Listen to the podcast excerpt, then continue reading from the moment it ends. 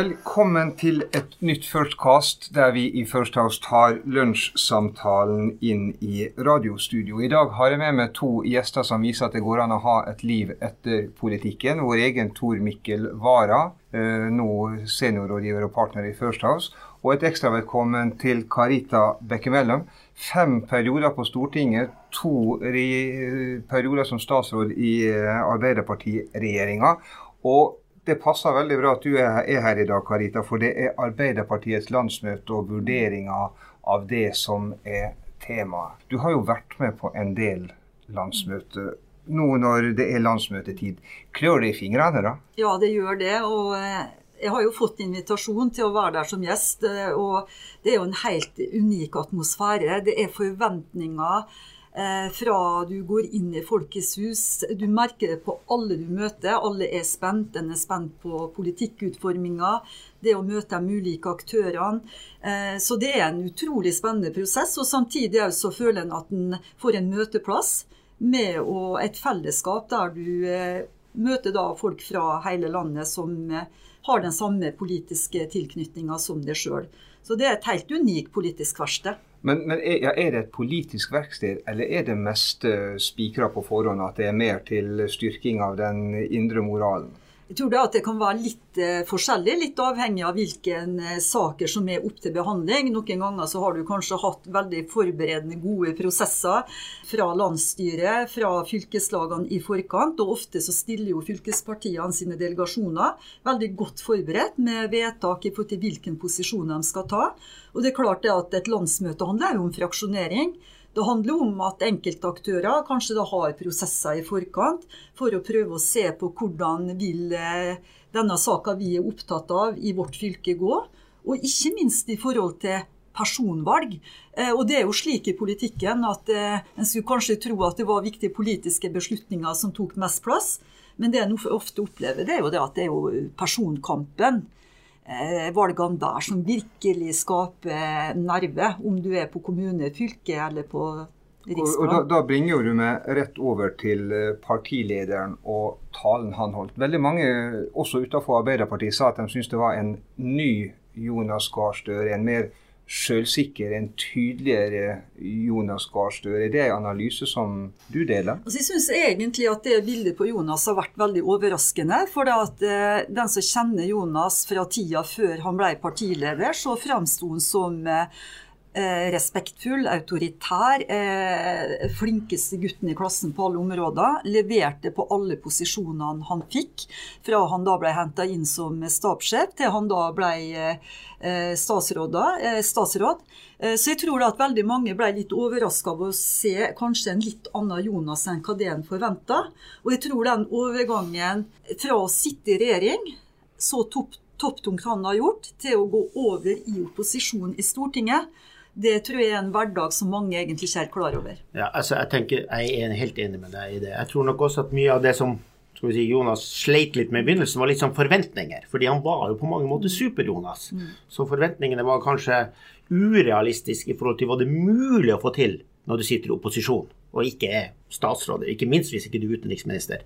Så, så, sånn sett så ble det nok litt forvirring og litt sånn Man syns ikke det funka så bra. Eh, så er jeg enig i at eh, sånn som han fremsto på dette landsmøtet, det er kanskje noe av det beste jeg har sett på han på mange år. Altså Han gjenvant litt autoritet og vant litt respekt. og det var nok ekstremt viktig, for på sånne landsmøter i valgår, spesielt i stortingsvalgår, så det vet man i stortingsprogram og den politiske kampen, som, som Carita sier. Men det er også en annen ting som er viktig, og da, det er at du skal presentere en statsministerkandidat. Mm. Og Derfor er det ekstremt viktig hvordan potensielle statsministre håndtere den. Media følger med, alle analyserer.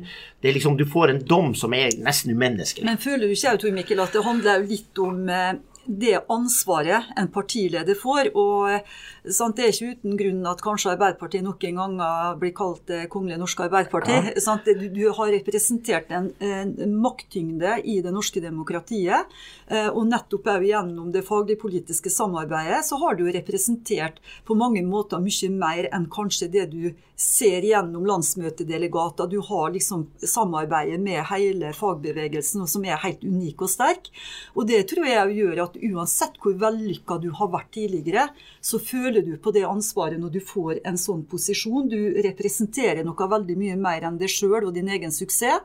Og jeg tror kanskje, jeg aner ikke, men jeg tror kanskje at Jonas òg kan bli prega av det i en hverdag der mye står på spill for Arbeiderpartiet og fagbevegelsen. Det er jeg helt enig i. og det, det, er jo opplagt sånn at du får, må jo føle et sterkt press. Jonas må jo ha følt et press. Det å være leder av Arbeiderpartiet med alt det impliserer, men også det å da få den nådeløse media på seg. For her er det media som måler ord for ord, og du får nesten terningkast på hver setning. ikke sant? Brukte du ordet 'reversere' for mye nå? Altså, og Det er klart det er, en, det, er en, det er, en, tøff oppgave å gjøre det på det. Eh, og den, den kravet er nok høyere til Arbeiderpartiets leder enn det for så vidt til Men syns du andre... riktig at han begynner å opptre og synge? Eller skal han beholde Nei, det, det... Hadde, hadde, du gjort det? Nei, altså, vet du hva, min sangstemme Du er ganske god å synge, har jeg hørt. Du er overhodet ikke god å synge. Men jeg tror det at, eh, at, Jonas er tjent med å være Jonas. Ja. den gode, gamle, respektfulle Jonas. Eh, og ikke gjør seg sjøl annerledes enn hva det er. Eh, så jeg tror det er riktig at han egentlig er, er det han føler han er, og tar lederskap ut ifra det. Ja, han, han, har jo styrka seg på statsministermålingene, i den grad du kan legge vekt på dem. Er det to statsministerkandidater, punktum, til valget til høsten? Ja, jeg vil vel si at det er det. Jeg så at det var noen som prøvde å lansere Slagsvold Vedum som statsministerkandidat, men jeg, jeg, tror vi kan trygt si at det er to statsministerkandidater eh, ved det valget her. og Derfor, det sånn at, derfor blir det også veldig spennende med debatt for den, dette liksom forberedt. Denne landsmøtetalen var del én av Jonas som statsministerkandidat. Del to er Jonas i dueller med Erna. Ja, ja altså jeg er helt enig med det. Det er to statsministerkandidater. Og det er klart at her prøver jo småpartiene seg med det de da oppnådde med å få Kjell Magne Bondevik i sin tid ja. eh, som statsminister. I dag vil jeg si at du har to så sterke kandidater på begge sider at det er helt utelukka at det skal komme med et sånt forslag. Og da håper jeg virkelig hvis at det i det hele tatt skulle komme til for, så langt som til å være til vurdering i forhandlingene, så bør faktisk Arbeiderpartiet og Høyre besinne seg. For jeg tror dette går utover hva jeg skal si, tilliten befolkninga har til politikerne. Vi må huske på at dette her er parti med helt marginal oppslutning i valg. Og i Norge har de kommet i en vippeposisjon over så lang tid at de har sittet og styrt norsk politikk. Tar, tar du nå til, til orde for å heve sperregrensa? ja, det har jeg gjort eh, lenge, så jeg syns faktisk at det kunne vi gjøre. Og vi kunne jo slå sammen valgene. Vi burde få både kommune- og fylkestingsvalget slått sammen med stortingsvalget. Fått mye mer ryddighet. Da hadde vi kanskje oppnådd at ikke Senterpartiet hadde hatt den framgangen de nå har på politireform, på endringene i kommunesektoren og på sykehussektoren. De frir i distriktspolitikken eh, på en måte som gjør det at en kan bygge opp dette her annethvert år, litt avhengig av hvem som sitter med makt og posisjon. Det, det, som er et dilemma nå, er jo liksom nærme landsmøtesesongen seg slutten. Og, og, det er et dilemma at alle landsmøtene har, uansett hvilket parti som har handla om enten Senterpartiet eller KrF eller begge to. Og det er de partiene som mens det egentlig skulle handla om, om, kanskje andre. Og det er fordi at du får et Senterparti som vokser, men du får også en KrF som alle vil fri til. Mm. Og denne dansen rundt om KrF skal være med Arbeiderpartiet eller de borgerlige, tar jo uforholdsmessig mye plass mm. i norsk politikk mm. i forhold til det man kunne ha diskutert alternativmessig. Så sånn sett er jeg enig. Så, så eh, nå har jo de store partiene lagt opp til det også ved å, ved å, gi så mye oppmerksomhet til KrF. Men er det en feighet i det fra de store partiene? Altså Vi ser jo ja. det at nye reformer har jo vært egentlig litt usynlige etter flere av landsmøtene. Og jeg tenker at du har en del altså i familiepolitikken, en del i forhold til verdispørsmål. Hva kan vi forvente av nye reformer? Hvordan utvikler samfunnet seg? Hvorfor har ikke Arbeiderpartiet tatt en enda sterkere posisjon i forhold til vanlige folk sine rettigheter i et arbeidsliv som endrer seg? Altså De kunne ha fridd litt uhemma til litt mer den gamle, klassiske tilnærminga. For det er mange som fortsatt sitter ved enden av bordet. Det er mange småbarnsfamilier som sliter. Det er mange eh, småbarnsfamilier i dag som opplever samlivsbrudd fordi at belastninga fortsatt fortsatt er for stor økonomisk i den etableringsfasen. Sånn at uh, dette her føler jeg at en ikke egentlig klarer å løfte godt nok frem. Nå, nå, bringer du to ting inn på en gang. Jeg skal prøve å ta det med rekkefølge. Men, men la, la, la, oss ta det, det du snakka om nå med å sitte ved, ved enden av bordet. Eh, er Arbeiderpartiet etter landsmøtet et mer radikalt parti enn det var før landsmøtet? Eller er det på en måte det samme trygge, trauste Arbeiderpartiet?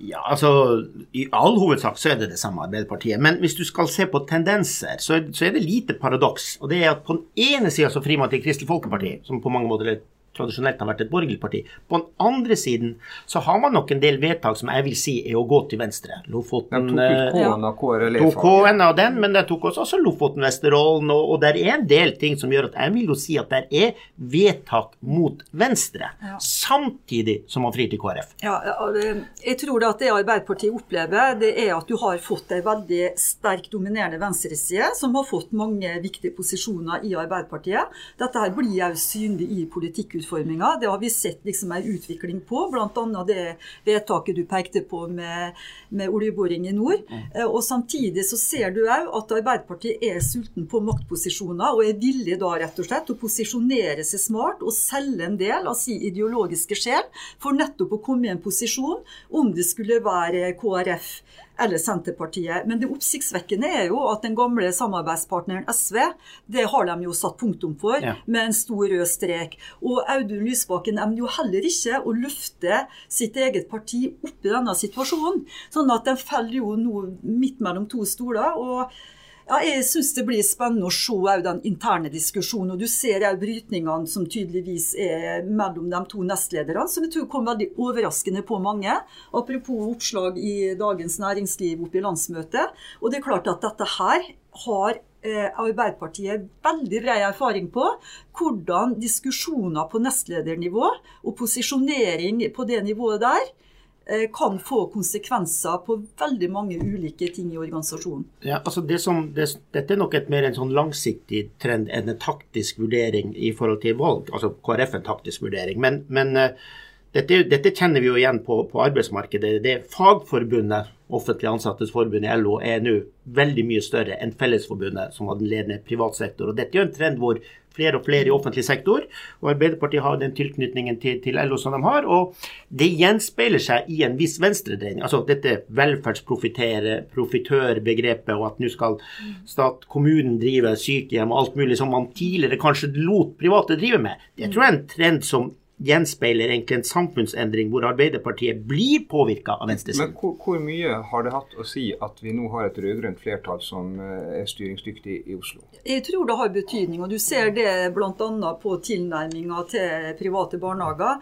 Det var jo Arbeiderpartiet i sin tid og det var gjennom litt av det ansvaret jeg hadde som å lede kvinnebevegelsen som tok til orde for en likbehandling av private og offentlige barnehager i sin tid. Og det var jo kjempekontroversielt internt i Arbeiderpartiet. Eh, og det var jo ikke med måte på hvordan du brøt med ideologiske prinsipper du tok til orde for det. Men den gangen så var vi opptatt av at vi ønska å gi et tilbud eh, til, til småbarnsfamiliene. Eh, men vi så det at, at sakte, men sikkert altså kom partiet inn og, og, ga sin tilslutning til det. Og nå ser vi en reversering på det. Og det tror jeg er nettopp for det at SV har fått den posisjonen i byrådet. Og igjen så handler det om at Arbeiderpartiet har jo elementer av både høyre- og venstreside, og òg ei sentrumsside. Sånn at du har egentlig en spennvidde av veldig mange ulike retninger. Er det spillet eller er det sakene som kommer til å bli sentrale i valgkampen i år?